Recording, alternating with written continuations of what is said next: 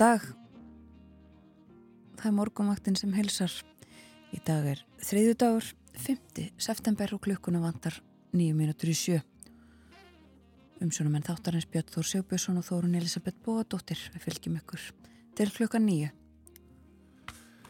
Ágættis veður á landinu, fyrir betri yfir það hér eftir smástund nefnum fyrst að eh, Reykjanesbröð er lokuð til söðus og hefur verið síðan löst fyrir fjögur í nótt þegar vöruflutningabifrið vald þar. En uh, umferð uh, var í um það byrð þrjára klökkustundir beint um Krísuvíkurveg en nú er komin hjáleið þarna um Kvassarhaunnið ekki satt þorun? Jú, uh, satt frá því að við vegagerðarinnar. Hjáleið um Kvassarhaunn og lögurugla stýrir umferð á vettvangi. Og það ætti þá að hjálpa til auðvitað töluverð umferðum Reykjanesbröðina á þessum tíma dags eins og nánast allan sólarsingin. Já, margt fólk að þetta leiði í flug. Já. Síðila nættur eða snemma morguns. Fjöldi vila uh, í morguns árið. Nýju vilar farnar nú þegar. En uh, það fylgir fréttum frá lauruglunni á Suðunessjum að uh, ökumadur vöruflutningabeilsins slasaðist ekki mikið, ekki talin alvarlega slasaður það voru allavega svona fyrstu frétti sem að bárust af því. Nú á nefnum uh, líka að uh, enn eru þar Elisa og Anna hýta uppi í tunnunum, í möstrunum á uh, kvalbátunum tveimur kval 8 og 9 svona eftir því sem við komumst næst. Já. að þá verður þarna í sólarring þar um byll emitt og stöðnisfólk þeirra líka uh, við bryggjur ekki okkur hefnar í nótt. Þeim til stöðnings, já. En lítum til veðurs. Já, ágættis veður á landinu.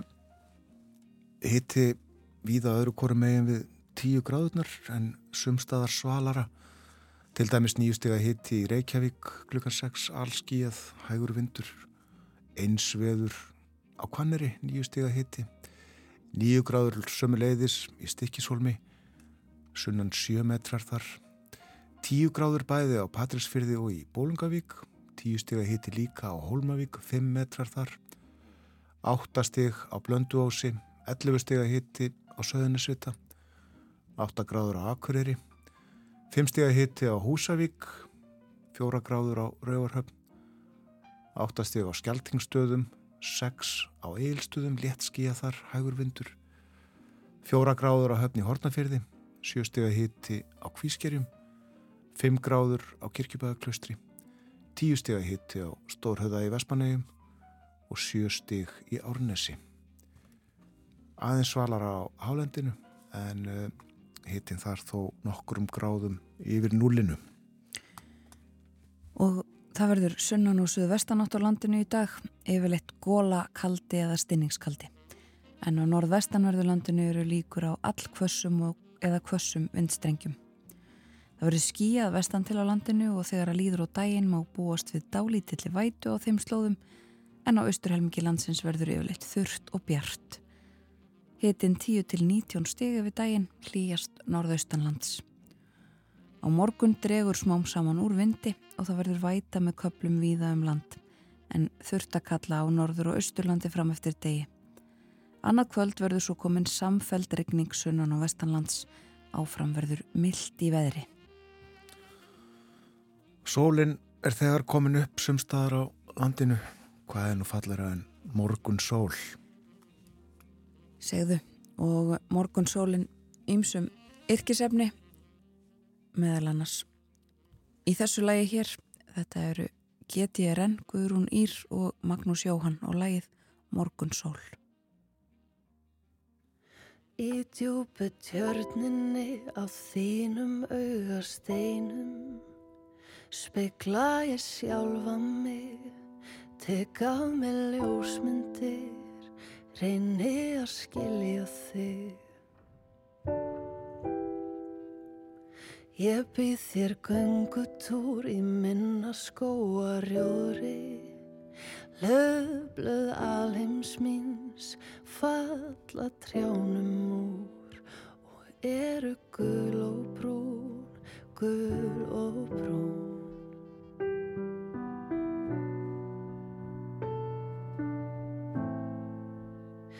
Ég er enn á þína lykt, hún minnir mig á frelsi. Leip úr ringiðum, völundar húsunum, með veggjur sjónspilum. Og svarta himna umslag, með frímerki úr mána. Fylltu mína skál af þínu tónsljósi sem ég get dregt mér í, dregt mér í.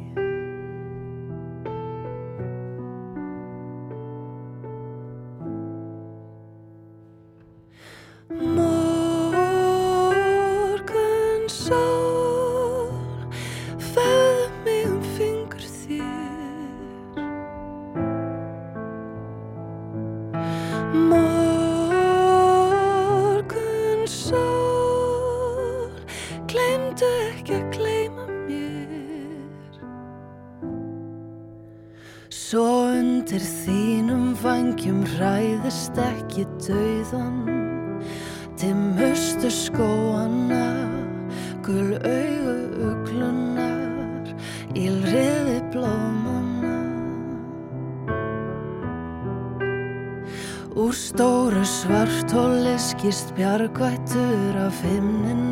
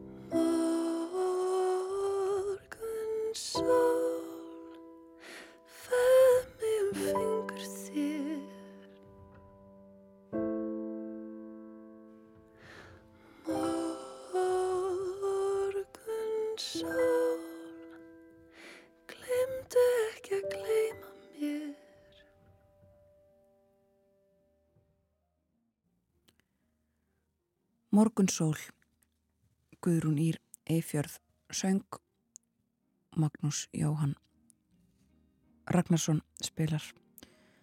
Með og lægið eftir þau tekstinn eftir Ármann Örn Friðriksson og Guðrún Ír það var fyrsta lægið á morgunvaktinni þennan morgunin við hleypum fréttastofunni að það koma fréttir eftir örstutastund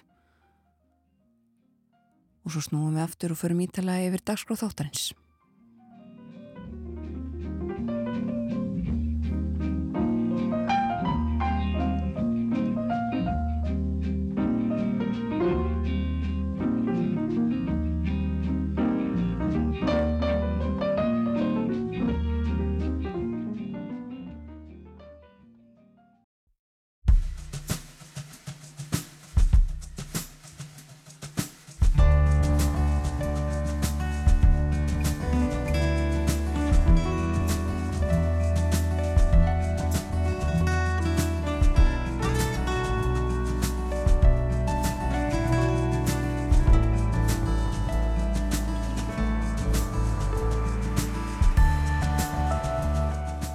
Góðan dag, morgunvaktin hilsar. Það er þriðu dagur 5. september. Umsjónamenn þáttarins eru Þórun Elisabeth Bóadóttir og Björn Þór Sigbjörnsson. Þórðusnar Júliusson verður fyrsti gestur okkar í dag. Við ætlum meðal annars að tala um skýrslu starfshóps viðskiptaráþura um bankana Hún staðfestir það sem við þó vissum, nefnilega að vaksta munur er hér minni en á hinnum Norðurlöndunum. Hann er meiri, er snúið, eins og ímyndilegt annað. En já, uh, þessi skýsla verður hér til umfjöllunar uh, hálf átta þegar þóruð verður með okkur. Viljum líka að tala um sektina sem að samkeppnis eftirlitið lagði á samskip. Það voru 4,2 miljardar króna. Hvað gerðu skipafélagin eiginlega? Og góð afkoma ríkisjóðs á síðasta ári, miklu betri en fjárlög gerður ráð fyrir. Þetta má líka til umfjöldunar. Stjórnmál og menning verða svo umræðuefnin í Berlínarspjalli eftir morgunfréttinnar klukkan átta. Artúr Björgun Bodlason segir okkur meðal annars frá gróskunni í bókaútgáfu þjóðveri. Þeir hafa trú á því að bókin muni lifa af í tæknivætum heimi. Og þurriður Harpa Siguradóttir, formaður Öryrkjabandalags Íslands, verður gestur okkar í síðasta hlutu þáttarins í dag. Við ræðum við hana um nýjafstæðana fundaröðum málefni fallas fólks, hvernig horfir vinnan við innleðingu samnings saminuðu þjóðana við henni og hennar fólki. Þurriður Harpa er líka síðasta mánuðið sínum eh, sem formaður Öryrkjabandalagsins, hún lætur af því starfi í oktober. Hefur verið formaður í sex árið það ekki? Jú. Já. Það mun uh, blása af sunnan og suðvestan í dag. Uh, það verður góla eða kaldi, jafnvel stinningskaldi. En uh, líkur á allkvössum eða kvössum vindstrengjum á norð-vestanverðlandinu. Og það verður skíjað vestan til á landinu í dag og þegar líður á daginn þá má búast við vætu, dálítilli vætu vestan til á landinu. En austan megin verður yfirleitt þurft og bjart veður og hitti í dag frá 10 stegum að 19 og hlýjast norðaustanlands. 19 steg að hitti sumstaðar fyrir norðan, sól og blíða. Já. Fallett að skoða spákortið. Nú, uh, það drefur úr vindunum smám saman á morgun og uh, má búast þá við vætu með köplum víða um land en verður þó þurft að kalla á norður og austurlandi fram eftir degi en annað kvöld verður komin samfæld regning sunnan og vestanlands og það verður áfram tilturlega hlýtt. Nú, uh, fleira frá veðustofinni en uh, hún upplýst í gæra að uh, reynsliði skaft á höfu farið hægt mingandi síðustu daga. Nálgast nú dæmigert grunnrensli við sveinstind og niður í byggð fer hlaupvatn hægt sjatnandi og í þessu hlaupi, þessu skaftar hlaupi mældist mestarensli við Sveinstind tæplega 750 rúmetrar. Það er mun minna en í stærstu hlaupunum, Hámas rensli í hlaupinu 2021. Það var áallat 1500 rúmetrar og 3000 uh, rúmetrar í hlaupinu 2015. En uh, þetta hlaup, það hljóp núna úr istri skaftorkalli, eh, það er meðalstórt hlaup og ekki hafa ennsjast merkið þess að reynsli sé hafið úr vestari kallinum, vestari skaftorkalli en segir viðstofan Hafabir í huga að hann getur hlaupið hvena sem er úr þessum. Ég mitt það og uh, ég hef ekki að nefna aftur þetta að Reykjanesbröytin er lókuð við Kvassarhaun til Keflavíkur. Það er hjálið eh, um Kvassarhaun nýbúið að opna hana og löguröglan stýrir umferða vettvangi. En það má búast við því að það verði tafir. Það ekki lengri tíma að eh, keira til Keflavíkur heldur en venjulega. Það eru 93 flug áalluð til brottfarar á Keflavíkurflugul í dag. Í nótt var eh, umferð þarna beintum Krísuvíkuveg og þurfti að leggja talsverða likki á leið sína já. og fara, já, hólgerða Krísuvíku leið Um eitt nýju flug þegar farin. Hún var ekki fengið neina frettir af því að, að eh, það hafi verið gerðar einhverja ráðstafanir vegna þessa á flugvöldinu en þetta er svona, já, eh, kannski nýja frettin frá því morgun? Við lítum í blöðin, Erlendblöð hér eftir smástund, fyrst fórsíða morgunblöðsins og þar er fjallaðin sangungu sáttmálan sem að ríkistjórnin og sveitafélagin á höfuborgarsvæðinu gerði með sér fyrir nokkrum árum og uh, nokkuð hefur verið fjallað um að undanförnu. Forsendur á mörguleiti brist og uh, margi sem að telja mikilvægt að, að endur skoðan rekna þetta allt saman upp á nýtt. Og uh, það er meðal annars rætt við Hildi Björstóttur sem er oddviti sjálfstæðismanna í borgarstjórn Reykjavíkur og uh, hún segir það eru allt og margir útistandandi óvissu þættir sem þarf að leysa eða vel á að ganga. Líka rætt við Einar Þorstensson, borgar fulltrúa framsóknarflokksins, sem að telur eðlilegt að staldra við í langtímaverkefni sem þessu. Hann bendir á að samgöngu vísitalan hún hefur hækkað um 30% frá því að sáttmálinn var undirritaður. Hann telur þó ekki að þeir sem tala fyrir endurskoðun vilji slá sáttmálan út af borðinu.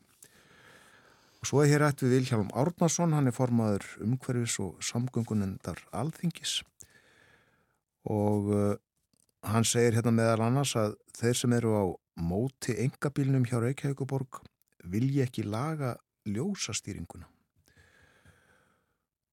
Þeir sem tala fyrir borgarlínunni styðja það að træðast sé við að ljósa stýringin sé bætt, eins og við sjálfstæðismenn fengum frangengt að yrði gert. Og hann bendir á að tækjabúnaður sé fyrir hendi, en tæknin ekki nýtt, tækin eru í lægi en hugbúnaðurinn ekki. Og fjallað sem sagt um þetta í morgunblæðinu í dag. Svo kemur hér fram að Nú standi yfir framkvæmdir við 34 skóla í Reykjavík og uh, það vegna miklu eða rakka og fyrir ári var unnið í 24 skólum og þessar framkvæmdir allar uh, raskaðu þetta skólastarfi.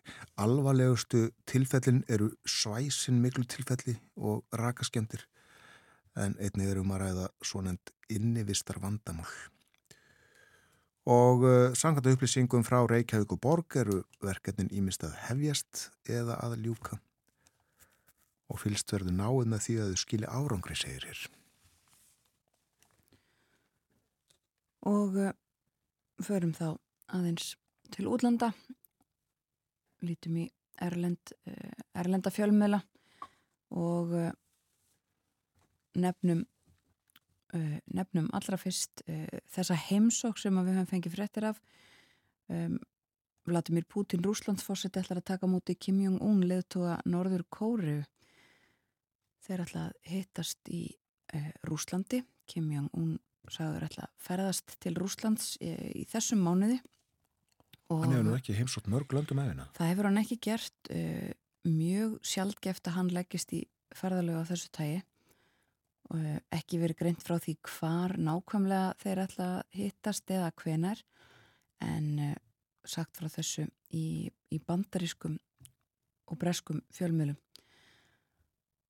Það sé líklegast að, að uh, Kim Jong-un komið til með að ferðast með uh, brínvarinni lest og þeir ætla að hittast til þess að ræða um vopna afhendingu, vopna kaup. Að Norður Kórea ætli mögulega að uh, veita rúsum stuðning í stríðu þeirra í Úkrænu og uh, töluvert fjallaðum um þetta í erlendum fjölmjölum samskipti þessar að tvekja leðtóa þeir hittust síðast í april 2019 þá fór Kim Jong-un emitt í lest uh, og hitti Putin í Rúslandi en uh, líka saður fréttir af því að það tókst ekki að ná neinu samkommulagi um útflutning á kortni í gær, greintum frá því í gerðmorguna að það stæði til að Putin hitti Erdogan Tyrklandsforsita til að ræða um þau mál. Tyrkir hafðu milligöngu um uh, þessa þennan upprunalega samningum korn útflutningum svartahaf. Og uh, það uh, gekk ekki neitt að semja um þessi máli gær. Rússar hins vegar greindu frá því að þeir ætluð að flytja út korn til um, flytja korn til sex Afrikuríkja En uh, það er líka greint frá því erlendum fjölmjölum, það er verið að undirbúa G20 fund, G20 leðtóarnir hittast í Delhi á Indlandi og búið að segja frá því að, að fórseti Kína verði ekki á fundunum og að bætin bandar ekki fórseti sé svektur yfir því. En uh, nú er verið að tala um ímsar uh, áskoranir sem að verið að setja fram á uh, fyrir þannan fund til leðtóana nú segjum frá því að það er líka fjallaðum svipumál og já ekki miklu mál á fórsýðum ennskublaðana eins og hér á Íslandi en það er talað um hins vegar þessi uh, steipumál sem við höfum rætt og hafa verið á fórsíðunum síðustu daga. Og uh, mentamálar á þeirra Breitlands í töluverðum vandraðum hún uh, fór í viðtal vegna þessa mála í gær og uh, gerði þau mistök sem að stundum er gerð að uh, halda áfram að tala og segja ímislegt eftir viðtalið meðan hún var ennþá fyrir framann hljóðnumanna ímislegt sem ekki kom fram í viðtalinu sjálfu. Um, gaggrindi harlega aðra og um, hefur verið gaggrind sjálf mjög í kjálfarið hafði ekki margt fram að færa sögn bresku bladana í þessu viðtali. Og um, er sögð á eh, einhverjum fórsjónum eh, reynilega berjast fyrir pólitísku lífi sinu í stjórninni. Og uh, Gillian Keegan heitir hún uh, hún uh, er á fórsjóðum fjölmarkra blada og þessi vandræði öll sömul. Fjöldin allur af skólum sem að þarf að loka og alls konar öðrum byggingum líka. Og þetta leiður okkur inn í það að fyrir ári síðan í dag þá tók Liz Truss við leðtóa ennbættinu í íhaldsfloknum í Breitlandi og hún kjör en leðtói eftir langa og langdregna kostningabaratu meðal íhalsmanna. Það tók tvo eða þrjá mánuði eftir að Boris Jónsson eh, rökklaðist frá. Hún hafiði betur enn Rishi Sunak í síðustu umferðinni og eh, hlustundur morgunvaktarinnar þekkju þetta að Sunak er fórsettir frá þeirra í dag. En eh, já, það voru þessum degi 5. september. Hún fór svo að fund Elisabetar drotningar eh, degi síðar, 7. september og kom í kjölfar Emmett Johnsons sem var það að segja af sér áður en að hún gætt fengi umbúð til að mynda nýja stjórn. Og drotningin var í sumarlefi í Balmoral kastala á, uh, í Skotlandi. Þau flögu bæði þarna uh, frá Lundunum og upp til Skotlands og aftur tilbaka. Og hún fekk umbúð og það var tekinn mynd af henni með drotningunni og ég held alveg öruglega að þetta sé síðasta myndin af Elisabetu drotningu 7. september vegna þess að tveimundugum síðar þá lést hún og frá þeim degi 8. Eh, september og, og fram yfir útför drotningarinnar þá gerðist nánast ekkert í breskun stjórnmálu það var uh, sorgar tímabill og það gerðist vist ekki einu sinni margt bak við tjöldin eh, því fjöldi fólks í stjórnsýslinu var fenginn til að hjálpa til við undirbúning útfararinnar. Og það er uh, verið að gera upp þetta tímabil uh, list tröst tímabilið í sömum fjölmjölum núna ári síðar. Það er ekki síst verið að revi upp og, og aðdraganda þessara fjármála efnahagstillagna sem hún setti fram örlítið setna í september. Við skulum aðeins heyra um, brot. Við ætlum að heyra brotur heimsklukkanum í fyrra 20. oktober í fyrra, þetta var snemma morguns og 45 dagar liðinir frá því að Liz Truss hafi tekið við ennbættinu og verðum að hafa í huga þessa 45 daga einmitt eh, tíu daga sorgartímabili þar sem ekkert gerðist þannig að þetta var ennþá stýttri tími Já og útliti var orðið þannig eh, á þessum tíma að hún myndi röklast frá um, og Bóði Ágússon fór yfir það með okkur þarna eh, svona þessa daga frá því að Liz Truss tók við ennbætti og eh, byrjum að hlusta þegar að uh, við höfum farið yfir uh, þjóðarsorgina í Breitlandi og hvað gerðist þá? Síðan hefur sko Liz Truss og hennar ríkistjórn gert hvert aksanskaftið á fætur öðrum. Þetta byrjaði með því að þáverandi fjármára þeirra hvað sé hvart henn lagði fram það sem þau kalluðu mini-budget eða minniháttar fjárlega frumvarp og þau gerðu það ekki samkvæmt reglum til þess að komast hjá því að láta eins konar þjóðhagsstofnun breyta leggja mat á efnahagslegar afliðingar frumvarsins. Um leið og það gerist á förstu degi, 23. september, þá, þá bregðast markaðir þannig við að uh, þeir hafa enga trú á þessu það hefur svo mikið gert á svo stuttum tíma að bara það er hættið að ég gleymi einhverju þessu að, að markaðir í rauninni neyða ríkistjórnina til þess að breyta um stefnu vegna þeir hafi ekki trú á þessu og uh, þá fórnar Liz Truss fjármálur á þannum hvart heng Kami Kvasi eins og sem er hafa kallaðan í, í Breitlandi og í Economist fyrst. Og það þykir mörgum mjög skvítið vegna þess að þetta er efnaðarstefna þeirra. Hann er að framkvæma efnaðarstefna hennar. Honum er fórnað og Jeremy Hunt tekinn inn.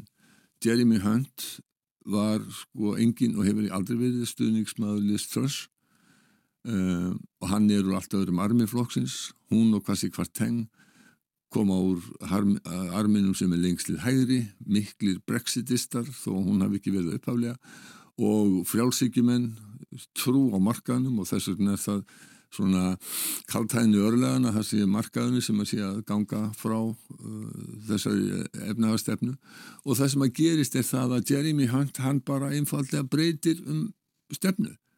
Og í rauninni vilist að vera hann tekur völdin í ríkistjórninni og hún eins og þau kalla á ennsku she's in office but yeah. not in power. Hún, hún, hún situr í, í dagingstræti tíu en valda laus en það var beðið eftir fyrirspunna tíma fórsættis á þeirra í gær vegna þess að uh, þarna hafðu hlutir verið að gerast og, og það var verið að spekulera hversu lengi hún gæti, gæti setið þessi fræga fyrirsögni í Daily Star hvort endist lengur kálhöfuð eða hún sem að Uh, sem að hérna, hefur farið sem eldur í sínu um allt og, og bandaríski fjölmjörnur hafa tekið mikið upp og það er bein útsending af, af líðan kálhöfusins uh, á, á vefnum. Þannig að auðmíking hennar í þessu er, er, er, er mikil og þess vegna var uh, já og það batnaði í sjálf sér ekki í gær þegar að Keir Starmer hvað þessi ljóðs í fyrirspunna tímanum eins og hann gerir náttúrulega alltaf og segir sko að umbúð hennar var byggt á draumóra efnahagsíkju og það endaði með stórslýsi það skilaði aðeins hruni efnahagslífsins og því að íhalsflokkurinn er að morna grotna nýður innanfrá It was a mandate built on fantasy economics and it ended in disaster. The country's got nothing to show for it except the destruction of the economy and the implosion of the Tory party. Þetta er náttúrulega út af þessi mjög öflugt, en svo kom hann upp aftur og taldi upp allt sem að hefði breyst, allar uppbyggðuna sem að ríkistjórn hefði þurft að fara. Þetta er farið og, og hans stuðningsmenn taka undir með honum segja gonn og svo endan var þá segir hann af hverju þú hérna en þá I've got the list here. 45p tax cut, gone. Corporation tax cut, gone. 20p tax cut, gone. Two year energy freeze, gone. Tax free shopping, gone. Economic credibility, gone. And her supposed best friend, the former Chancellor, he's gone as well. They're all gone. So why is she still here? Og einnig að Liz Truss hún, hérna, hún reyndi að bera sér vel og, og, og, og rífa kæft og hún sagði að, að sko, hún væri ekki kvittir, hún er ekki að hætta hún ætlaði að berjast í þessu Mr. Speaker Mr. Speaker I am a fighter and not a quitter Við heyrðum þannig Liz Truss sem að tók við ennbætti formanns íhaldsflokksins í Breitlandi á þessum degi fyrra um, og þarna var hún 19. oktober held ég uh, að segja þetta ég, uh, ég berst, ég hætti ekki en það leði nú samt ekki held ég sólarhingur uh, þangar til hún var emitt hætt og farin og hún var sá ráþæra, sá fórsættisráþæra í Breitlandi sem að hefur stist uh, verið í ennbætti og uh, maðurinn sem að tapaði fyrir henni í þessum, uh, þessum formannskostningum Rissi Súnak, hann tók við. Það fór enginn fram gegn honum í heldsfloknum þótti þetta vendanlega nóg komið. Þetta var já, Rissi Súnak var fymti leðtói þeirra og fórsættisráþæra á sex árum nú sjö.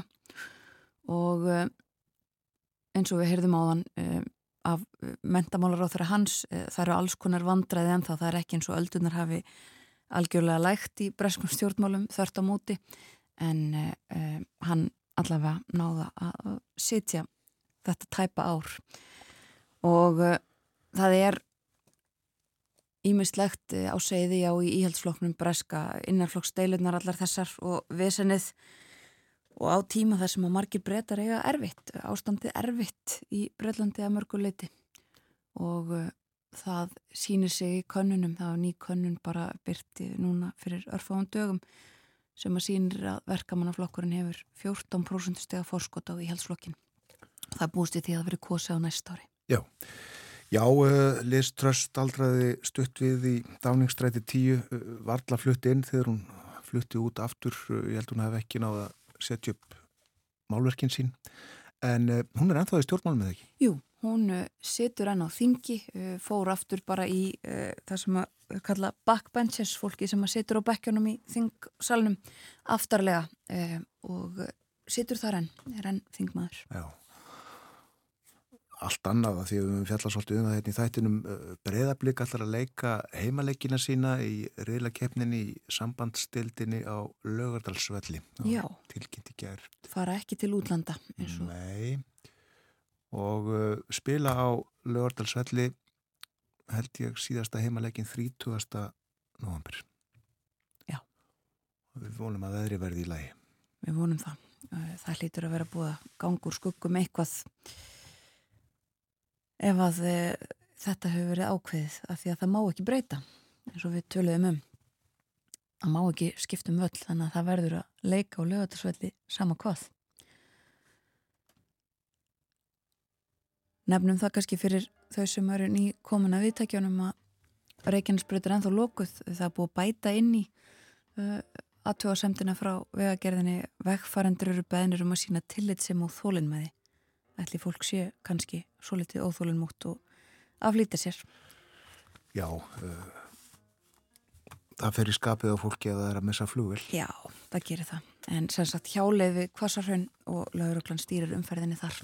Vald þarna sem sagt vöruflutningabíl í nótt aukumæðurinn slasaðist ekki alvarlega. Heyrum kannski meira af þessu í fretta yfirlitinu sem er næst á dags frá morgumaktarinnar og svo verður með okkur Þórður Snar Júliusson, reittstjóri heimildarinnar Thank you.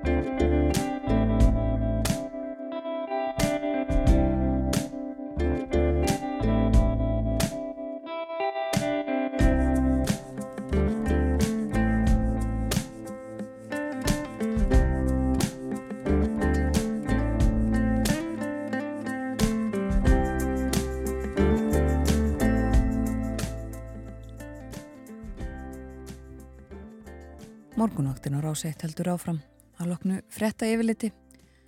Klukkan orðin liðlega hálf átta. Það er þriðu dagur í dag 5. september.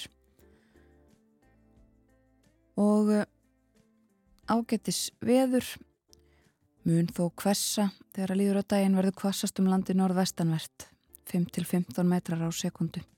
Skíjað vestan til og dálítil væta þegar líður á daginn en bjart viðri á austurhelmingi landsins og hlýjast þar. Það getur orðið alltaf 19 steg að hiti og sól á eh, austurhelmingi landsins í dag. Og eh, á morgun dregur smám saman úr vindi, væta með köplum en þurft að kalla á norður og austurlandi fram eftir degi. Samfeld ryggning svo sunnan og vestanlands annað kvöld og hitin bæði dag á morgun já frá 10 til 19 stig. Minnum á það að hér á eftir verður Artúr Björgum Bodlason með okkur, Berlínar spjallið á sínum stað eftir morgunfréttinnar klukkan 8 og í síðasta hluta þáttarins verður Þurriður Harpa Siguradóttir gestur okkar. Hún er formadur Örkjabandalags Íslands og verður í mánuð í viðbútið að svo eh, hættir á aðalfundi félagsins í oktober. Ætlum að tala um ímislegt eh, meðal annars þessa landsáætlun í málefnum fallast fólks og eh, samning saminuðu þjóðana um réttindi fallast fólks. En nú er komið að spjallið um efna og samfélag. Þórður Snari Júliusson, réttstjóri heimildarinnar er sestur í okkur. Góðan dag og velkomin í dag. Takk fyrir. Við ætlum að tala um ýmislegt, við ætlum að tala um þessa uh, skýslu um bankana sem að nefnda á vegum viðskiptar á þeirra vann ímislegt sem að kemur þar fram til dæmis að uh, vakstamönurinn hér er meiri heldur en að heinum Norðurlöndunum og uh, hagraðingir ekstri bankana hefur ekki skila sér til viðskiptavina þeirra. Við viljum líka að uh, tala um þessa skýslu eða, eða úrskurð, hvaða er nú kallað, samkeppnis eftirlitsins gagvart samskipum og sektina þessa upp á 4,2 miljardar. Sikvað fleira nefnum við byrjum á ríkis, ríkisreikningi en, en uh, sendar út tilkynning frá fjármála og efnaðarsraðuneytinu í gær um uh, rekstrar niðurstöðu ríkisins á síðasta ári.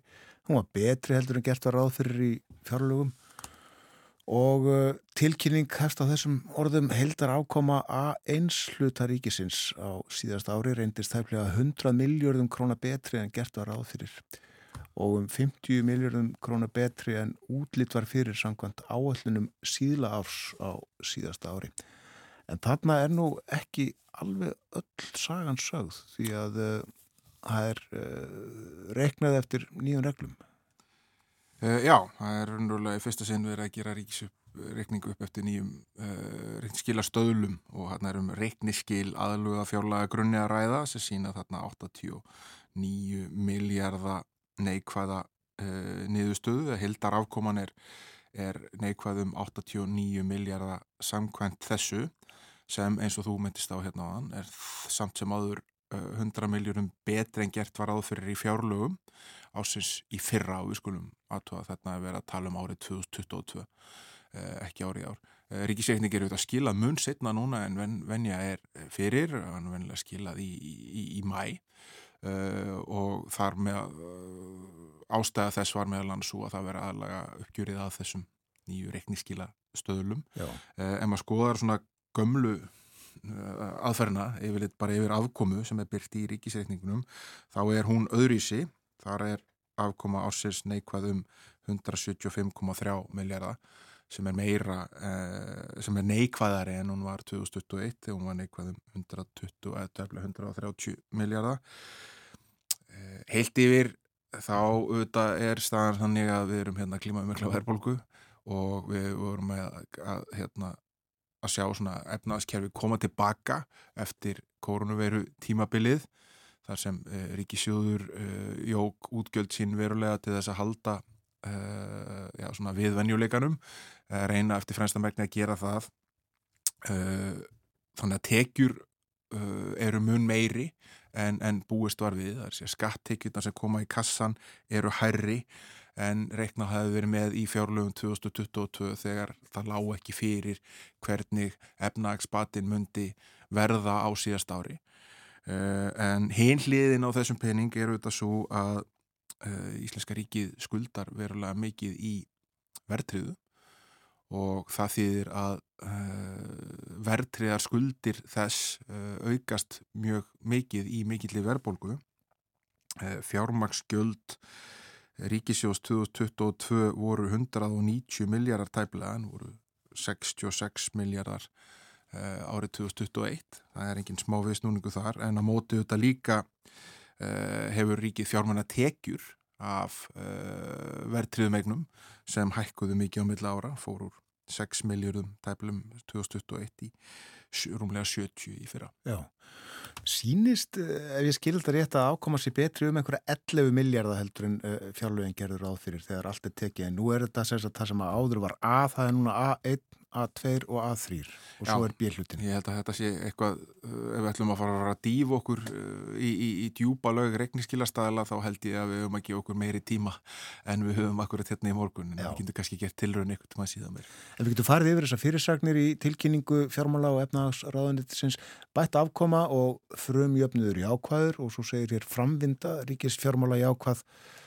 tröst fótfesta á læri skuldir. Já, ég raunverulega við förum út frá sagt, þessari heldarókomu A1 hlutar ríkisins uh, sem er hérna, þessi svona nýja framsetning, þá er uh, frumjöfnuðurinn betri, það er að segja áður nú tekur til til fjármaskjálta og fjármastekna og heldarafkoman er uh, tæplega 100 miljórum minna vond, hún er mínus 89 frekar en mínus 186 sengand því. Já og verið sökarskast tekjurnar hafast maður hækka líklega frá því sem að búist af við. Mm -hmm. En uh, þá er það bankaskíslan sem að uh, Lilja Alfredsdóttir viðskiptar á þeirra léttvinna, hún var kynnt fyrir helgi og uh, leiðir íminnstækti ljós sem að, að þó var áður talið, það er þessi vakstamunur, hann er meiri á Íslandi en á hinnum Norðurlöndunum og, og líka þessi ógagsæga gjaldtaka, svo við nefnum nú eitthvað. Já, ef við byrjum á uh, vakstamununum, þannig eru skoðuð í þessari, þessari hópur skoðar tímabili 2018 til 2022 aðalega, það er að segja út síðasta ár. Og uh, það er farið yfir sagt, að stóru íslensku bankarnir þeir ná miklum árangri því að ná rekstrar kostnaði niður. Eh, það er að segja ekstra kostnar sem hlutfalla tekjum, það er bara það sem kostar reykabankan, hefur verið lækkaður úr, úr 59% um árið 2018 í 47% í fyrra. Og hann er ímislegt sem fellur til hérna, fækun starfsfólks sem hefur verið og hefur verið stórar uppsagnar hrinnur á þessu tímabili, eh, lokun út í búa, eh, svona þessi stafræna vekkferð sem gerir það verkum að, að, hérna, að það þarf ekki eh, að hérna meiri hluti af þjónustunni er sjálfvirkur eða rafrætn og, hérna, og það þarf ekki að, að kosta miklu til til þess að veita hana. Þetta eru svona lógísk stór skref í, í, í þessari vegferðir að maður lækka þennan kostnað og, uh, og svo sama tíma auðvitað var tekin ákurinn hérna í koronaviru faraldrinum að lækka bankaskatt mun hraðar en tilstóð en að sértæka skatt sem er lagður á Íslensku bankana og fyrir viki skilaði það þeim sameilum 12 miljardar ávinningi miða við það uh, hvernig átti að lækka bankaskattin annars. Ef að bankaskattin hafa alls ekki verið lækkaður þá er svo ávinningur menn þá meiri.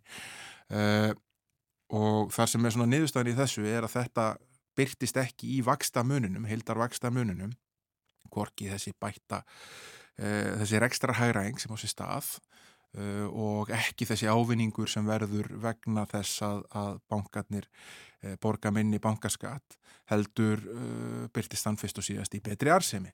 Það er að segja arsemi bankana er mjög góð. Uh, hún er uh, raunverulega þannig að arsemi að undirlikið arsemi er bara svo besta sem hefur mælst hérna frá því að þeir eru til og nýju gentölum og undirlikið starfsemi þessara banka grunnþjón starfseminar er, er bara vakstatekjur og þjónstekjur kúnarnir eru íslensk heimil og íslensk fyrirtæki.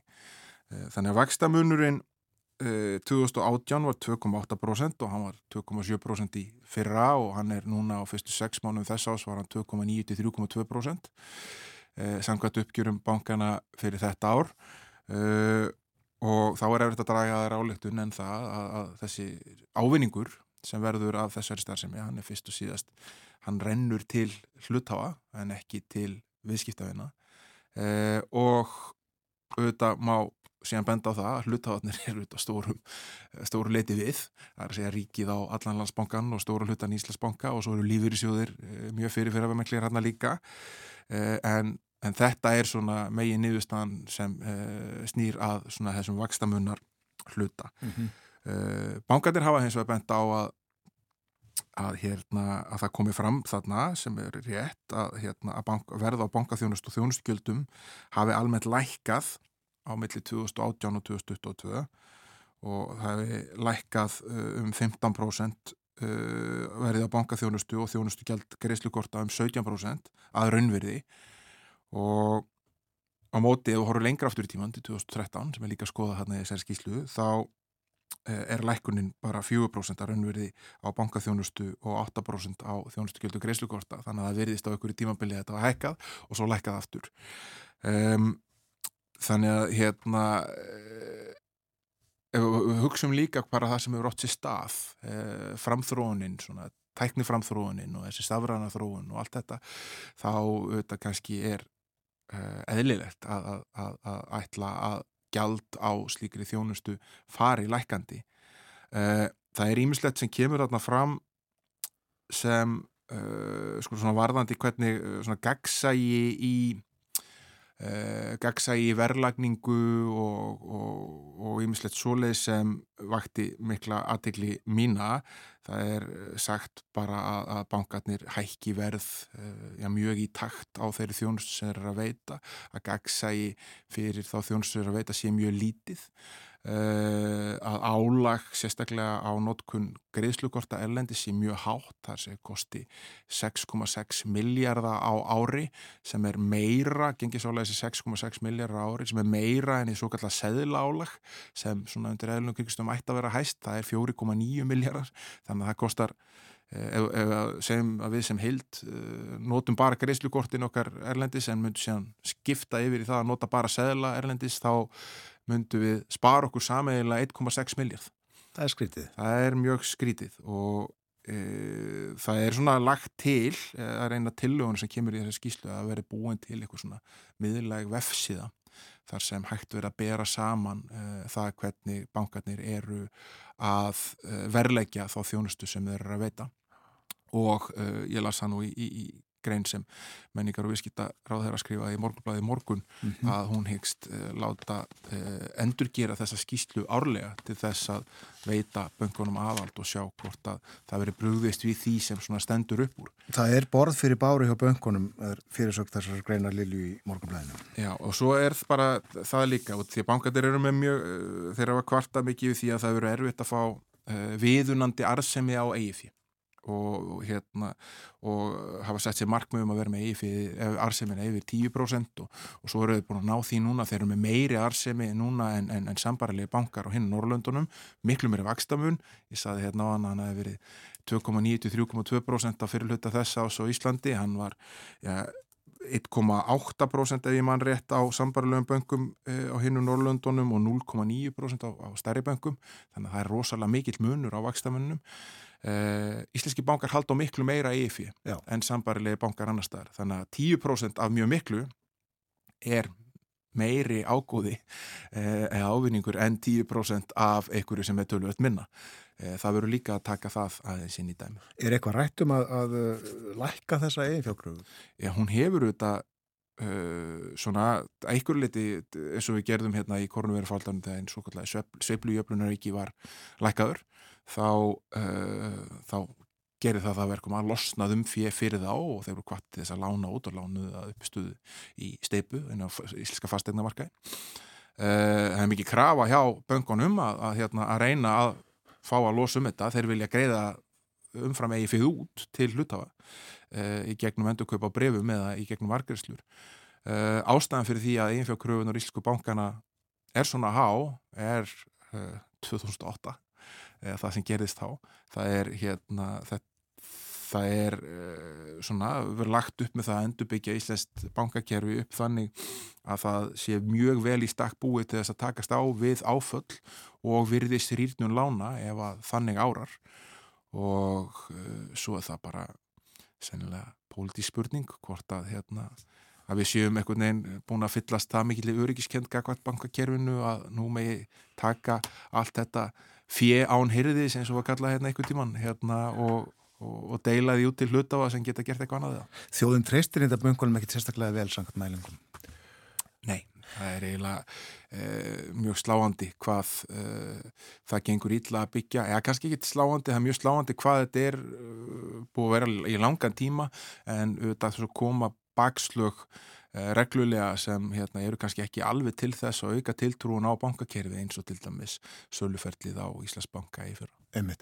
En uh, hafa einhver haldið að þessi skýsla væri einhvers konar áfællistómur yfir böngunum, þá er það nú líklega rámt vegna þess að bankastjórnarnir allir þrýr í þessu stóru tremur, þeir lístu sig bara uh, samlega ánaða með þessa skýslu. Já, ég menna þeir horfa með sínum ögum á þetta, þess að hérna, búin á rekstrar uh, kostnaði niður og uh, það telja þeir sem mikið návinning fyrir sig rekstralega og þeir eru með arsemi sem mætir arsemiskröfu eigenda og það sé uh, hitt bestamál og svo eins og ég benda á þann þá benda þeir á að, að, hérna, að verða bankaþjónustu og, hérna, og verð fyrir greiðslukort hefur lækkað uh, frá 2018 undarsvert. Það eru svona stóru punktarnir sem þeir benda á þannig að þetta er svona heila, uh, þetta eru sömu atriðin sem eru þarna undir. Og svo að vera að segja að, að vakstamunurinn sé nú uh, bara aflegging af því ástandi sem er búin við núna, horri verbolgu og vakstamunur heimila sé ekkit svo svo mikill. En hérna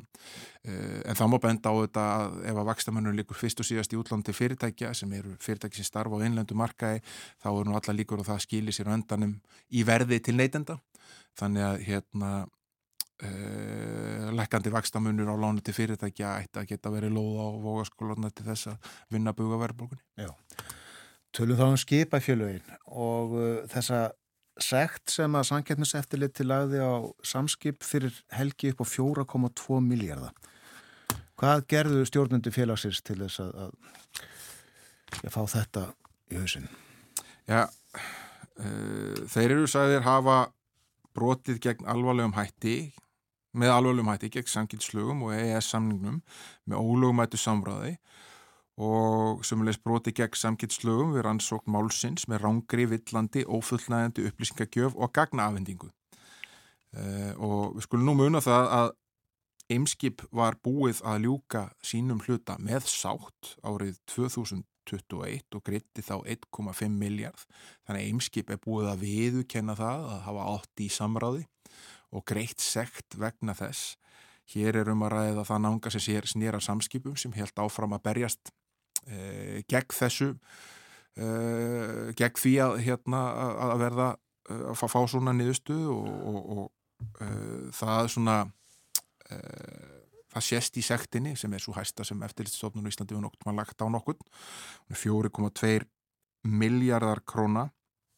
Samskipu þetta, svo það sé sagt eh, hafnar þessari niðurstöðu eh, heldur því fram að eh, meðal annars að, að eimskip hafi raunlega keift sig bara frá frekar í málsmöfur, það hefði ekki verið heilindi að bakið hjá eimskip þegar þeir játuðu og þar að leiðandi er raukstunningunum sá að þetta sé ekki alvöru játning sem hérna svona verður að telast áttu sérkjönlega það sem eimskip er búið að skrifa undir það að hafa játað á sig þessi brot mm. um, og það er ljósta samskip allar að, að, að áfrýja þessu til áfrýjunumdarum sangitsmála og vantarlega að reyna að fara með þetta fyrir domstóla. Það var eitthvað samráðið, eitthvað mixum verðskrátnar, eða ekki? Jú, í, gróðaráttu snýstit um það að, hérna, að stjórnundu fyrirtækina undir menn þeirra, sangvært niðurstöðu sangitseftilitsins, hafi í árunni 2008 eftir að hérna eftir að útbúið var hérna glærusýning sem, sem heitir New Beginning að nýtt upphaf í júni 2008 15 glæra glærusýning sem er svona uh, eitt af megin uh, efnónum í þessari niðurstöðu um, þá hafi þeir uh, unnið í saminningu að undirbjörnungi því að hækka á gjaldskrá, hækka gaggart mikilvægum viðskiptavinnum, lækka á niðurfella afslætti, hækka gjöld og taka upp nýgjöld. Og uh, þarna í skýslunni eru að maður sangið sér til smímörg dæmi um það þegar þeir eru að taka sér saman uh, starfsmenn sikkos fyrirtækisins um það að hérna uh, að bjóða viðskiptafinnum hér á Íslandi miklu hærri kjör en eðlert væri ef þau væri virkli samkipni Já. og skipta svona markaðum dálti á milli sín þannig að báðir fái meira fyrir þá viðskiptafinni sem eru með, láti viðskiptafinni hinn að vera og uh, þannig græði allir innan skipahepsins en sennilega allir hinn sem tapa. Það langt síðan þessi brotur framinn fyrirtæki er að skoða hvort þau einhverja svona skadabúta kröfu er það þannig svona fyrnist ekki eða hvað? Já, ég ætla að láta vera kannski að fælla eitthvað stóran dómu það, það verður eiginlega bara að koma í ljós uh, hvernig það er, þetta eru þetta held ég algjörlega náttúrulega fórdamalust, svona, þetta, þetta er fórdamalust að umfangi þetta mál og verður rannsókt mjög lengi og uh, niðurstaðanu þetta er líka fórdamalust svona háar sektir sem eru lagðar á. Þannig að hérna uh, maður getur ímyndu sér þegar maður er svona búin að lesa í gegnum þessa skýslu að mörg þessara fyrirtækja sem uh, samkynnseftildi kemst að þeir niðurstuðu að sé bara verið að hafa fýblum með því að hérna að svona að hækka verulega verð á þeir sem þurfa mjög mikið að nota Uh, skipafélugin til þess að flytja inn alls konar aðfengu uh, að þau séu verulega að hugsa sinn gang og maður, maður heyrist það svona sérstaklega félagi aðtunreikenda og, og, og, og fyrirtæki sem heyra undir það að það sé verið að skoða þetta. Við munum auðvitað græmættir samráðið og uh, líka samráð oljufélagana, læra menn ekkert? Já, það er góð spurning, þetta er auðvitað enginn þegar út eiga með fágitsmarkaði að það er þarna eitthvað svona freysni vandi þegar eru mjög fáir aðeinar á markaði að hérna í staðin fyrir það að keppa og af því að í keppninni fælst það að þú gefur sennilega frá þér uh, að minnst einhverja tímabundna arsemi til þess að, fjölga viðskiptavinnunum að svona horfa bara til sangitisæðilans, sérstaklega hann er bara einn eða tveir og segir bara herðu, ég vil ekki bara þetta er bara þessi kaka, ég vil ekki bara skiptinni, úrlega í þrend og, og hætta þessu vesinni uh, sem eru auðvitað afleitt fyrir íslensk fyrirtæki og fyrir íslenska neytendur og er því miður alltaf að koma upp aftur og aftur og aftur svona veist, þessar niðurstöður að, hérna, að hér sé ekki verið að horfa á hagsmunni uh, þeirra. Og aðtiklisvert að uh, samskip er ekki bara refsað fyrir, fyrir sko brotið á sínum tíma heldur líka hafa ekki verið samstarfs fúst í, rannsókninni uh, talað þarna um já, ranga, villandi og ófullnæðandi upplýsingagjöf og gagnaafendingu. Það verður mjög aðdeklisvægt að sjá hvernig málið fer e, þegar það, því vindur áfram þegar fyrir, áfriðurar e, nefnsakismála og svo vantarlega fyrir dómstóla að sjá hvort að þetta svona, því umfang sektarinnar er, er líka fordamalust. Þannig að hérna e, sjá hvort að hún muni breytast með einhverjum hætti eða hvort einhverju hlutarnir verði teknið tilbaka eða hérna, ég tala nú ekki um þann möguleika að hafa sér þetta auka við. Fylgjast með þessu áfram þakkaði fyrir að vera með okkur í dag Þórður Snar Júliusson.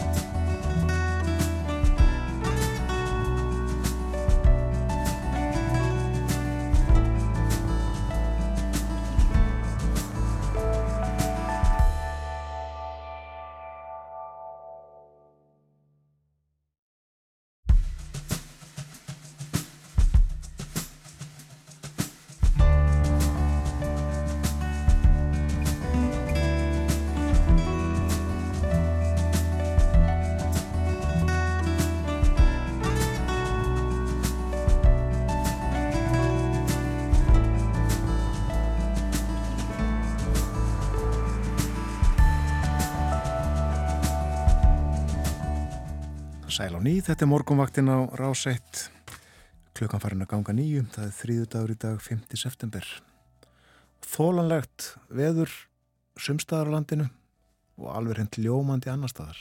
Já, það verður bjart viðri á austurhelmingi landsins í dag og hitin að 19 stegum en á vesturhelmingin landsins verður hins vegar skíjað og dálítil væta þegar að líður á daginn og það verða 5-15 metrar á sekundu í dag sunnan og suðvestanátt, kvassast um landið norðvestanvert. Og uh, Á morgun þá dregur smám saman úr vindi, það verður væta með köplum víða um land en þurftakalla á norður og austurlandi fram eftir degi. Annað kvöld verður svo komin samfeldregning sunnan og vestanlands og áfram mildt í veðri. Á fymtudag regning eða súld með köplum og vestlega eða breytilega átt tægur vindur. Á förstudag hversir 10-18 metrar í kortunum víðaregning en úrkomi lítið norð-austan til og áfram sjöpaður hiti. Á lögadag og sunnudag verður hins var aðeins lægra hitastig 5-11 stig breytilega átt og allviða skúrir. En já, talandu um veðrið, það er ágættis veður í höfuborgum viða í löndunum í kringum okkur. Um, 16 steg að hitti í Kaupmannahöfn og verður 24 steg að hitti þegar hæst fer í dag sól í Kaupmannahöfn létt skíðað í Stokkólmi þar er 17 steg að hitti og fer upp í 23 gráður í Ósló líka 17 steg að hitti og fer upp í 24 þar verður sól í dag 19 steg að hitti og kvast í Helsingi skíjað en eh, hvernig ætli við erum í Berlín? Þar er Artúr Björgvin Bodlason Berlínar spjallið framöndan, góðan dag Artúr. Góðan daginn, jú það við erum alveg fríðilega hér í Berlín. Það er eitthvað um 19 steg að hitti núna verður 27 gráður þegar það kemur fram á daginn og mér skilst að hittin verði hér um og yfir 30 gráður næstu tíu dagan Já, og sól og glampandi sól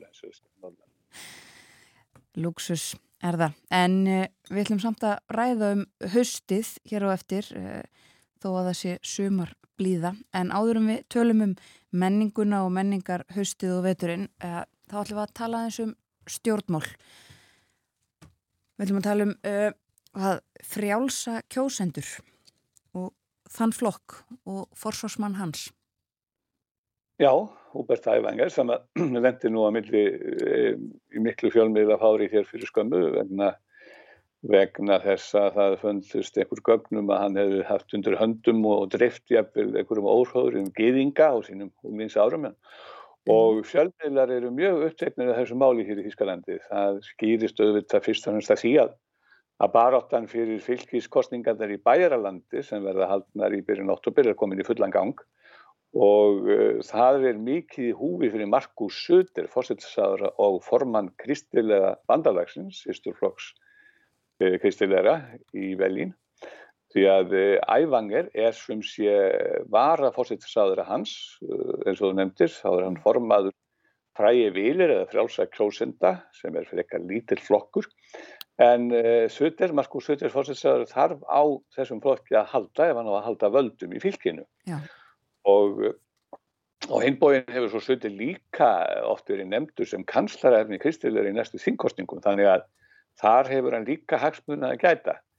Og uh, menn skoruð á Sötir þegar þessi, þetta mál kom upp um að æfennir hefur verið eitthvað uh, viðriðin svona geyðinga anduð eða, eða háðum geyðinga á sínum skóla árum að þá stóð Sötir í raun frammi fyrir tveimur kostum. Annars vegar að, að vikjónum voru ennbætti eins og menn vildu sumir aðeins gerði sem að hefði reynda geta orðið sutir skein og hætt.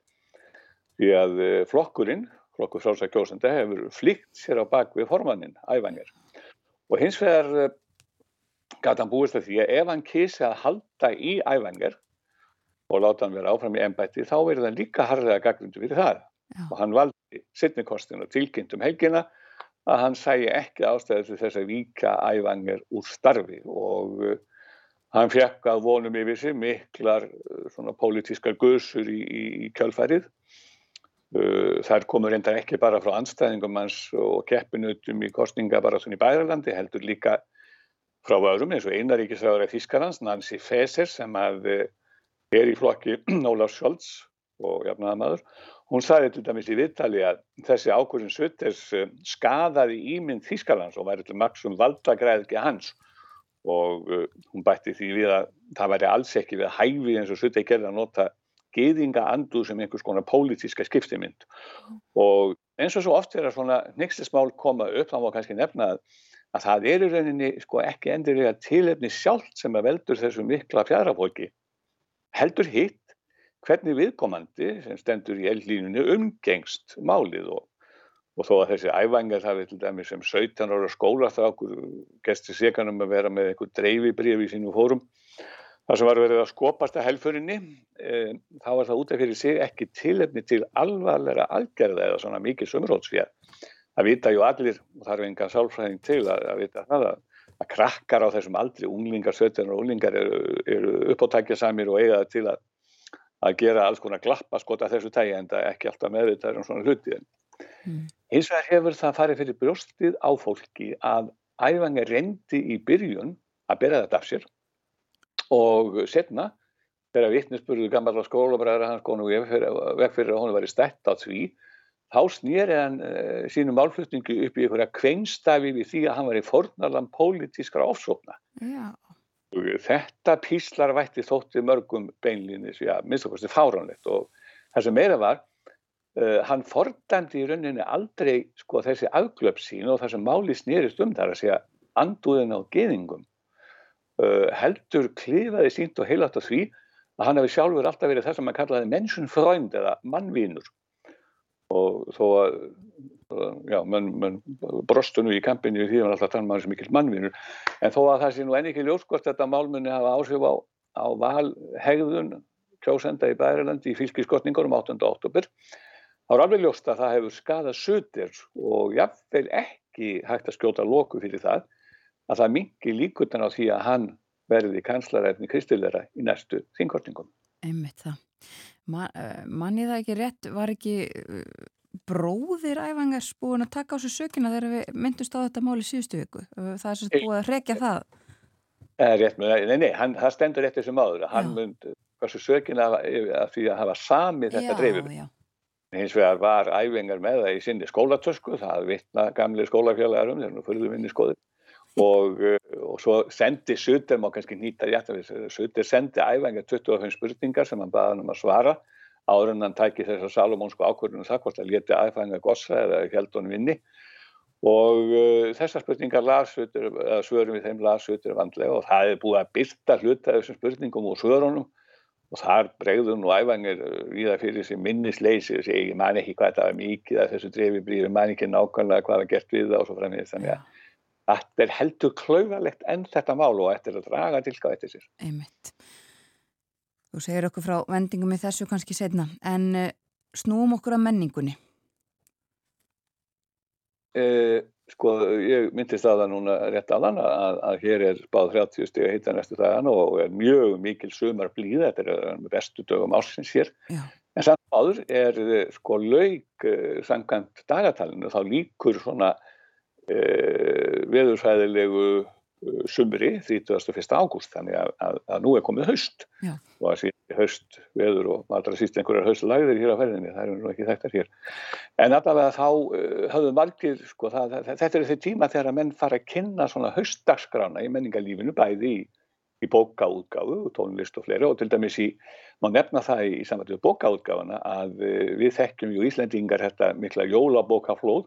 Nú fyrir að koma því vantanlega svona í næsta mánuði að það fara að flæða bækurnar á markaðinu Íslandi uh, en það jólabókaflóður mjög, mjög þekkt fyrir bæri en hérna er það þannig að, að útgefendur þýskir, bókaútgefendur þeir fara í kynningar áttak tviðsvara árið þar á vorun og haustin. Og uh, þá koma út bæklingar, þá eru höfundar sendir á upplæstra og auðlistur upplæstra um þýskaland tvert og og mikið í gangi þess aftur á vorin og svo aftur á haustin. Og núna er þetta að byrja og uh, það reynda má kannski nefna þú erum margir búin að spá bókinni dauða þegar að samskiptamiðlefnir brafbækur og aðri keppinöðar fór að ríðast yttir rúms og það hefur nú alls ekki verið reyni hér í Þískanandi og síðasta ári voru til dæmis keppnar út um 65.000 nýja bækur í Þískanandi og uh, það eru síska 178 titlar að jafna það á dag. Það er nokkuð gott. Já vísu hefur orðið og erfitt að fylgjast með því eins og gefur að skilja það er fáið sem komast upp í að lesa eh, nema örlítið brota þau öllu saman en, en það verður vísu auðvitað orðið mikil breyting á neistluvenjum í þessum, á þessu sviði eins og öðrum hér uh, vegna þess að margir eru hættir að nota sér til dæmis internetið til þess að panta bækur og þá hefur bóksunum fækkati mikið að mun í landinu sem er miður.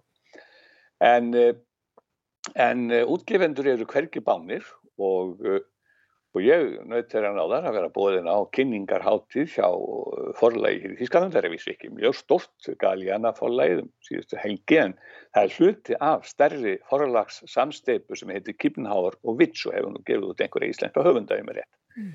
á Þískum. Þar sem að uh, á þessu, þessum höstfagnaði voru nokkar nýjustu bækur forlagsins kynntar og það var gríðarlega stemning hérna og alveg ljósta að það er hugur í útgefendum og höfundum og uh, það mótti bæði heyra það að sjá og, og, og þetta var haldið í skemmtilegri lítilli höll á bökkum árunna spri og þarna sildu sem sagt uh, visslubátöldin framhjáða meðan og, og hljónsettir spiluðu þeim og hérna fólk veifaði og dansaði um borðið í bátornum og þetta var afskaplega skemmtileg stemning eins og stundum verður hér á, á, á sömmarkvöldum í Bellín en uh, það var mjög skemmtilegt að, að, að, að fylgjast með þessum kynningum og og þarna var til dæmis að ég ætla að fara nú að reyka einstakar bækur en það geti einhverju stilt mjög um að nefna bók sem þarna var kynnt eftir, eftir teiknaran Kat Mensík og Veróníku nokkra Vitsíkmann eh, þar sem að eh, sko, Kat Mensík er einn af þekktust bóka skreitthendum þjóðverið í dag.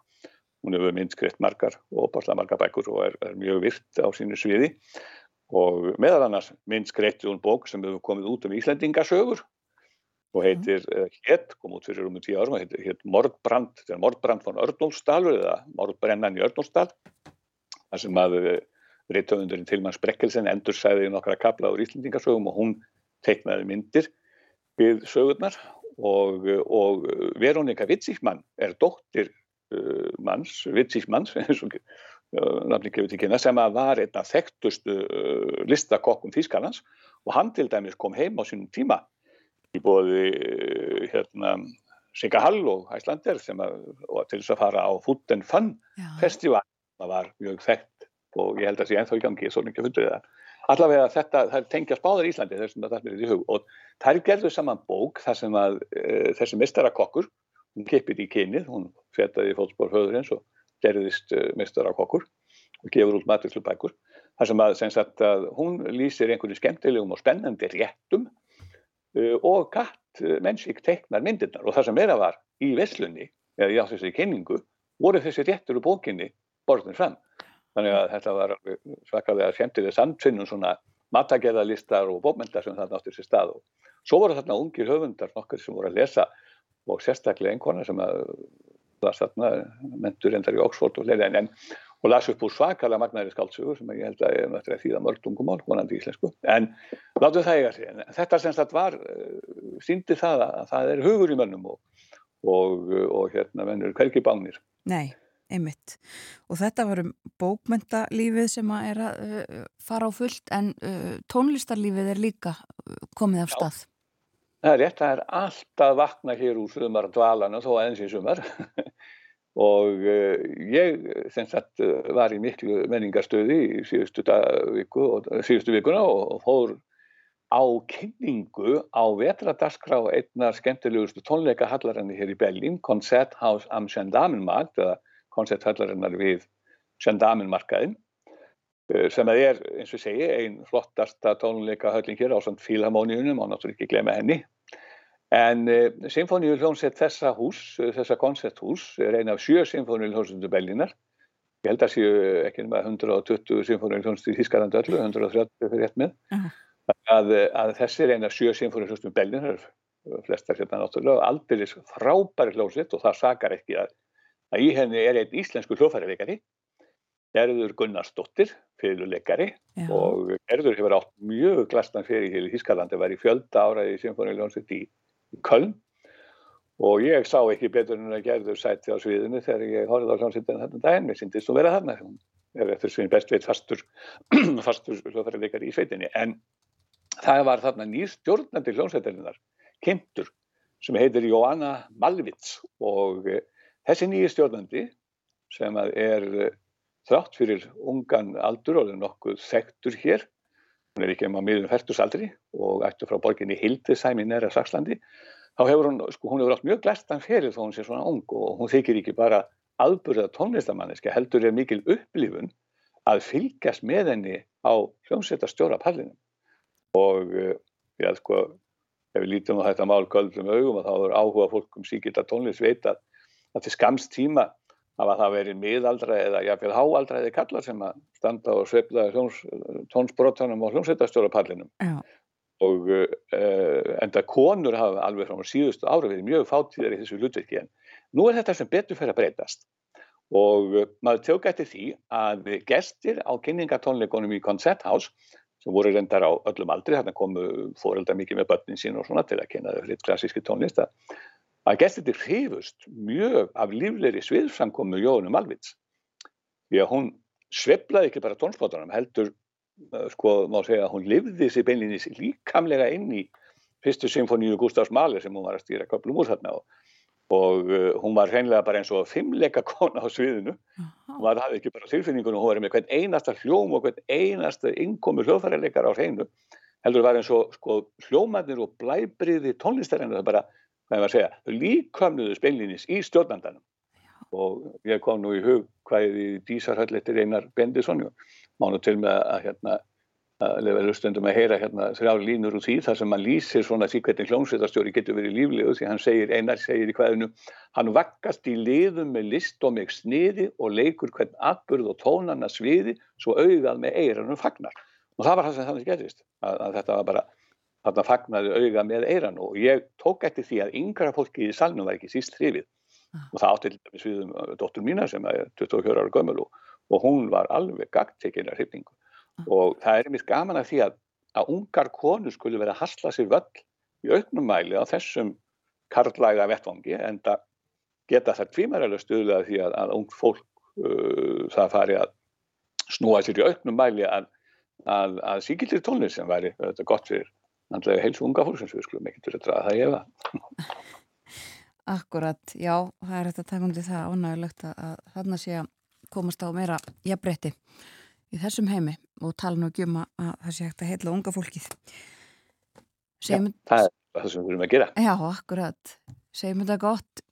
Í byli Kærar þakkir fyrir spjalli í dag Artur Björgun Bóllarsson í Sömar Blíðu í Berlín. Takk sem við leiðis Artur Björgun með okkur í hverju viku upp undir 30 steg að hitti í Berlín í dag og næstu dag Sumar blíða en alltaf fara á fullt í menningalífinu. Hann sagði okkur frá bæði tónlistarlífinu og, og bókmyndunum. Fórum aðeins yfir ímislegt sem að er að gera slíki í stjórnmálunum. Kostningar í bæjaralandi. Talandum Sinfoníu hljómsettir í Þýskalandi. Starfsárið hjá Sinfoníu hljómsett Íslands fór á stað með glæsi braga á fastu daginn. Klassikinu okkar, kveikmynda tónlistin, Vistla fyrir augu og eiru aldilis. Sannlega. Margir sem að fylgast með og lístu hrifningu sinni á samfélagsmiðlunum. Við fjöldum um þetta aðdragandanum hér á föstudagsmorni þegar Sigriður Pétursdóttir var hjá okkur og valdi þrjár perlur til að leika. En uh, frettæðið litið kemur eftir fimm minútur. Eftir það uh, verður hjá okkur formaður Örkjabandalags Íslands. En uh, Málefni öryrkja eh, voru til umfjöldunar eh, svo að segja í allt sumar á vegum sérstakrar nefndar eða, eða vegum starfsóps sem að félagsmálar á þeirra skiphæði og formaður starfsópsins eða verkefnastjórnar, er alls konar orð nótuð yfir svona fyrirbæri var hjá okkur hér í síðustu viku Já. Og uh, við ætlum að uh, heyra hvað þurriði hörpu finnst um þetta starf sumasins og hvað maður vonast til að komi út úr því.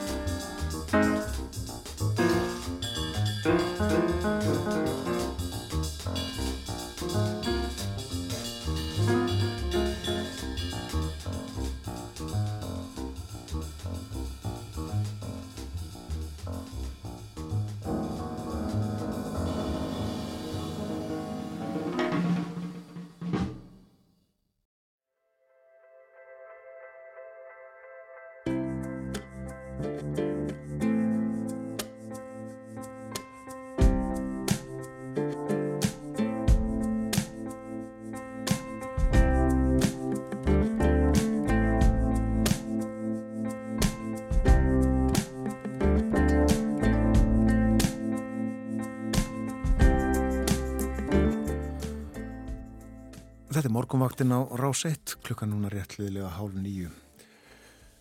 Það verður reynd útsagt rjóma blíða á uh, norðaustru horni landsins í dag. Uppundir 20 steg að hitti til dæmis á Akureyri og Húsavík, glaðasólskin og uh, mjög hægur vindur, kannski lokn. En uh, horfurnar annars svona sunnan og suðvestan 5-15 metrar kvassast um landi norðvestanvert, skíjað vestan til, dáli til væta þar þegar liður á daginn, en bjartviðri á austur helmiki landsins. Og það dregur svo aðeins úr vindinum á morgun, má búast við vætu með köplum, en verður þurft að kalla á norður og austurlandi fram eftir degi, samfældrykning sunnan og vestarlands annað kvöld. Við töluðum aðeins um Sinfoníu hljómsveit Íslands hér áðan rétt fyrir fréttaeflitið hljómleikana glæsilegu í hörpu á förstu daginn þegar leknar voru perlur úr kvikmynda tónlistasögunni ef ekki að fara rétt sem snöggvast í hörpuna.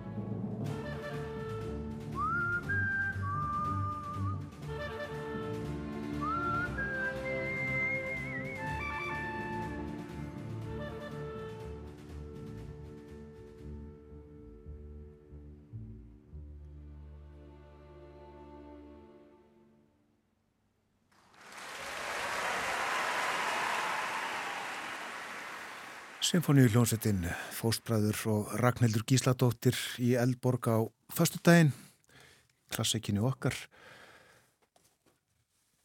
Stefið úr uh, The Good, The Bad and The Ugly, kveikmynd frá 1966 eftir Sergio Leone og uh, tónlistina sandi auðvitað Ennio Morricone. Við höfum talað um uh, þetta um sinfoníu hljómsveitina hér og töluðum fyrir frettæfritið um sinfoníu hljómsveitir eða klassíska tónlistarlífið í Berlín. Artur Björgum Bodlason var með okkur. En uh, næstu mínúturnar þá ætlum við að tala um annað. Hér í síðustu viku rættum við um uh, landsáætlun og fundaröð í, uh, um stöðu málefnum fatlas fólks. Það var farin ringferðum landið, fundir haldnir víða í, í sömar, nýju stöðum held ég og í síðustu viku var síðasti fundurinn haldinn uh, rafrætt fundur og uh, við rættum við Guðrún Ágústu Guðmundsdóttur sem var formaður uh, eða er formaður verkefnastjórnar í þessu málum og nú er til okkar komin Þurriur Harpa Sigurðardóttir formaður Öryrkja Bandalags Íslands. Góðan dag og velkomin um morgunvaktina. Já, takk fyrir. Og já, við ætlum að ræða eins frekar um uh, þessa vinnu sem að stendur yfir. Uh, það er verið að vinna landsáætlun í málefnum fallast fólks og þetta tengist uh, allt samningi saminuðu þjóðana sem við höfum nú rætt nokkur sinnum. Um, þið hjá Örkibandalaginu og, og þú voruð á þessum fundu með fulltrú á öllum fundunum, er það ekki rétt hjá mér? Jú, þetta voru, við vorum að skipa mann inn í 11 vinnuhópa Já. Og við vorum að okkar eh, fólkinu hverjum vinnuhópi þannig að þetta var heilmikið fjör. Já, einmitt. Og þetta er, sko, markmiðið er þetta að, að Þannig að komi allir saman uh, sem jafningar eins og það hefur orðað, komi saman, tali saman um það sem þarf að gera. Um, hvað finnst þér að hafa staðið upp úr eftir þessa tíu fundi? Það er bara, það er þessi mikla samvinna og samráð og samtalið og síðan náttúrulega verkefni tillögur sem að var verið að leggja áherslu á og það var náttúrulega Þetta er mismundi vinnuhópar sem að taka mismundi hérna, ákvæði grein, eh, greinar á, hérna, úr samninginu. Þannig að eh, það er aldrei merkild að sjá samt samhljóminn í öllum, eða flestum hópunum, hvaða er sem þarf að, að, að hérna, breyta og bæta og þarna stendur náttúrulega efst. Það er viðhórsbreyting akkvartfæslu fólki og falla fólk er náttúrulega ekki einsleitur hópur, mm. þetta er mjög breyður hópur, við getum fólk sem er búið að búa eða byrju eh, langarandi veikindi eh, það er til dæmis heyrir undir þennan flokk fallast fólks þetta, eh, og síðan bara það sem við þekkjum og sem er hefið hamnar blindir, stróskahamnar eða aðrir. En, fólk á einhverju rófi að háti þetta er mjög breyður hópur Já og um, en það var samhljómur það var samhljómur Já. og um, fengum aðna mjög marga tilögur og uh, sem, a, sem að er búið að vera vinna úr og þessar tilögur munu koma sem þingsáleiklitunin í samrásk áttanastunni og þar mun öllum gefast tæki, tækifæri til að hafa skoðun og, og hérna, rýna tilögurnar og, og leggja einn gott orð. Þannig að þetta er bara, þetta skiptir miklu máli og, og mun og þarf að skipta miklu máli. Og þessi vinna sem er búin að vera mjög mikil, hún verður að skila árangri. Það er bara þannig. Og Já. við þurfum að breyta okkur samfélagi þannig að þessir hópur hafi e, tækifæri til að taka þátt á sínum fórsendum við erum ekki að tala um fólk sem getur stund að hérna, fulla vinnu allt árum kringan, það getur hugsalega tekið e, einhver, verið einhverju hlutavinnu eða þá bara fólk sem að þarf að sinna sínu. Það er einfallega þannig. Já. E Guðrún Ágústa sem var hjá okkur í síðustu viku nefndi mitt eftir þá fundi sem að þá voru búinir að, að hérna, það hefði verið gegnum gangandi og fólk hefði verið ánægt með bara að þarna væri fulltrúar frá stjórnvöldum og, og fólk gæti tala við það, það væri einhver að hlusta. Það svona, það segir nú kannski sína sögu um það hvernig haldi hefur verið á þessum málaflokki að það hafi verið svona það sem að stóð upp úr hjá einhverjum fundagestum að bara það að veri hlusta á það sem á kannski að vera sjálfsagt mál Já, þetta er, það er, það hefur skort mikið á að það sé hlustað og, og samtali tekið og það komi út úr því eitthvað, eitthvað sem skili þannig að árangur náist. Já. Og þetta hefur verið mikil barótt að, að ná eirum stjórnvalda og fá skilning, ekki bara þar heldur líka hjá almenningi. Þannig að þetta skiptir bara óbáslega miklu máli og það kom á þess að fundi þetta fólk sem þurfti líka bara hreinlega að hérna bara segja sína sögu af því að Það er nú bara einfallega þannig að hérna, margir eh, er í aðstandanda hlutverki mörg eru líka eru, hérna, eru föllið og þurfa hérna, að, að fá, fá hlustun á mm. sín mál og þetta eigur skilningallara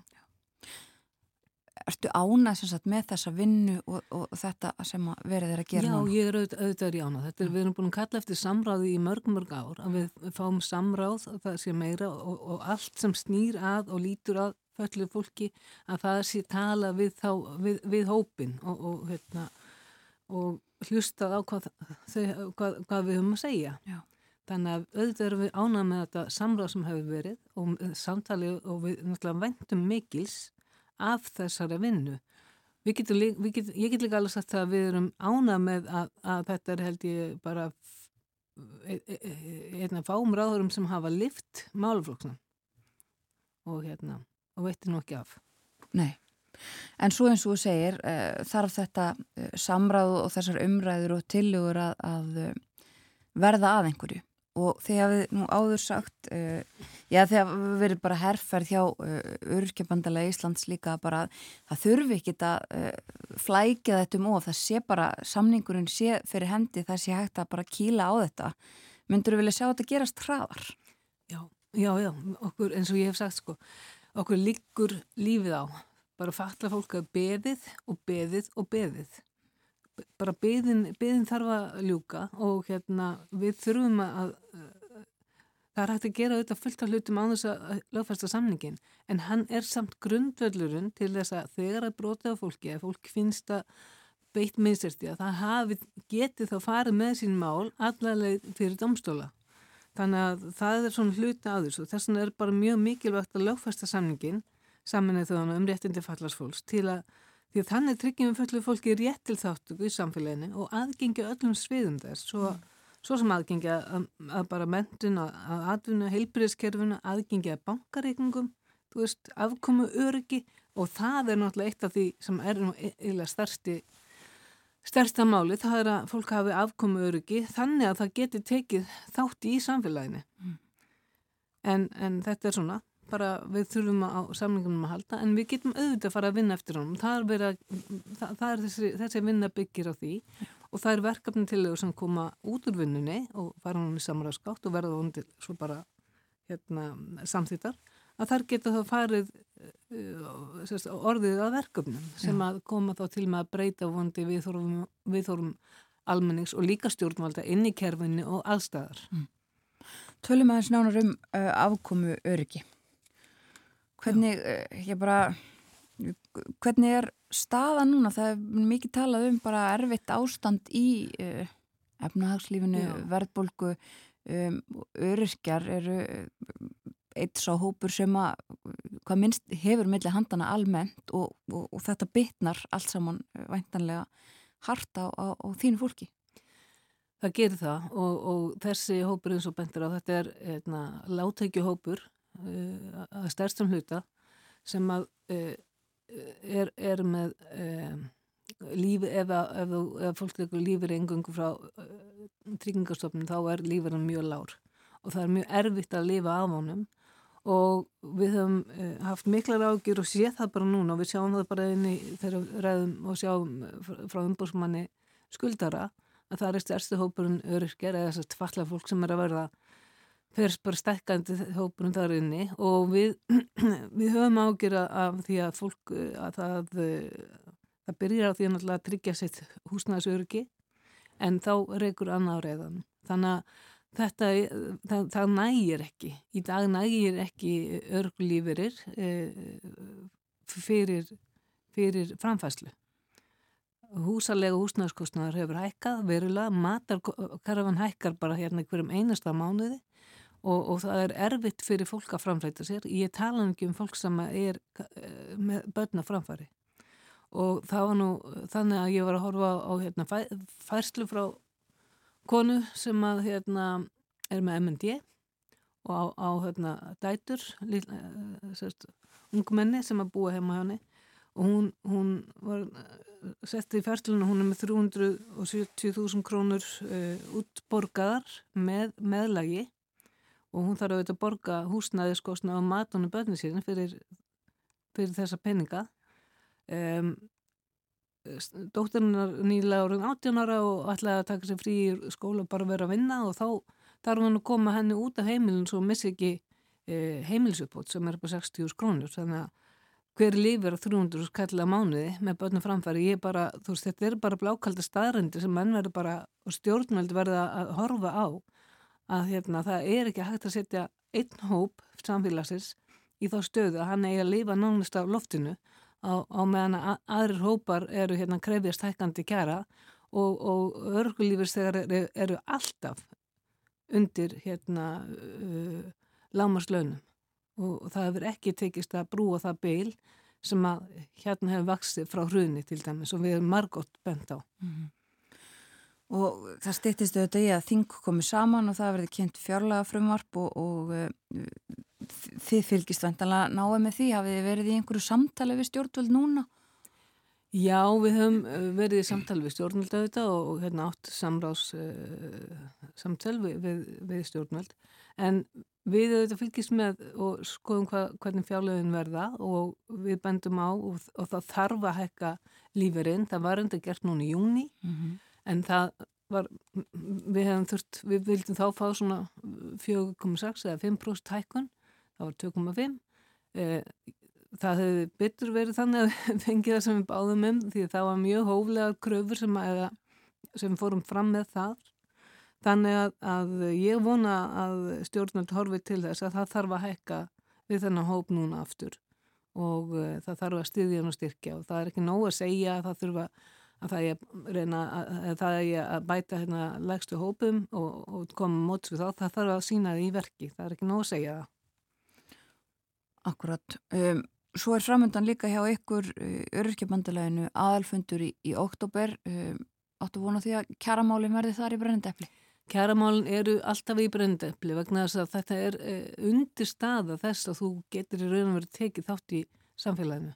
Ef þú hefur eiginlega ekki efna að lifa þá hefur ekki efna að gera neitt. Þú fer ekki í skóla, þú ferð ekkit og, og sinnir neitt menningu eða, eða neinu. Þannig að, og ég tala um ekki eh, fólk sem er, er, er einstætt fóröldri. Mm -hmm. Þannig að þess vegna er kjaramálun alltaf efstabói hjá okkur og, og það skiptir máli að fólk uh, hafi framfæsli sem dugir þið og Já. við munum berjast fyrir því áfram, ég ágif hana öru. Nei, á þessum fundi þá uh, lætur þú að vembætti formars öryggjabandalarsins eftir sex ár. Já, ég er búin að vera þarna í sex ár og þessi, þessi tíma hefur verið fljótur að líða. Ég hef komin að svo kallega sólalag í okkur lögum er þannig að við skiptum út eftir hérna, hámark sex ára setju, þannig að nú komað einhverjum öðrum að, að taka við keflinu. Já. Uh, ertu farin svona að gera upp enn tíma? Lítið við farin veg? Svona lítilega, aðeins farin að leiða hugun að þessu, en, en hérna, já, þetta er búið að vera mjög krefjandi tími mm -hmm.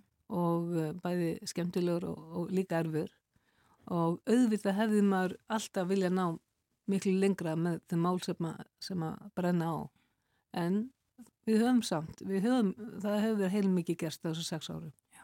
Og, og við erum hérna að berjast á mörgum stöðum, við erum með húsnæ, húsnæðismálin, við erum með Brynju sem er eiginlega leiðandi í lári leigu, uh, við erum með uh, Ringsjá sem er náms- og starfsmendunastöð og skóli og, hérna, og síðan erum við með vinnustad örtekni þar sem við erum að horfa á að falla fólk og ófalla fólk vinni saman.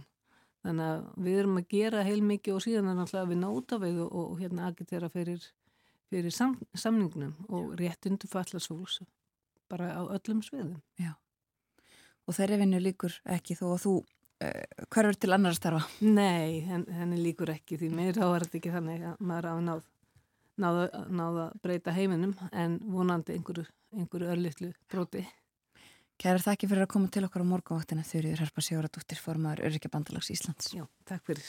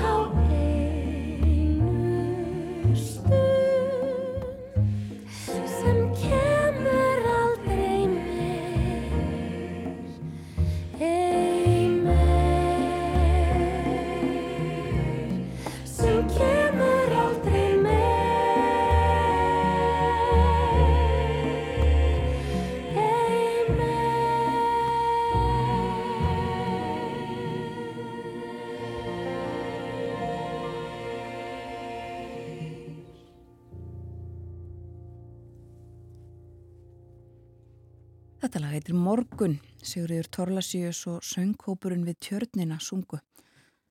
Læðið eftir Tómas R. Einarsson, hann var þarna á bassa, Gunnar Gunnarsson á piano og Sittriku Baldursson á kongatrómur. Og þetta var síðasta lægið eh, sem við leikum á morgumaktinni þennan morgunin og síðasta efnisatriðið.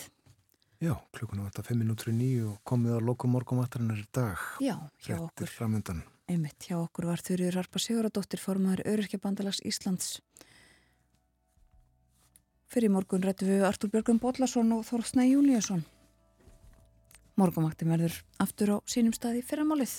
Við þakkum samfélgina í dag og vonið að njóti dagsins. Verðið sæl.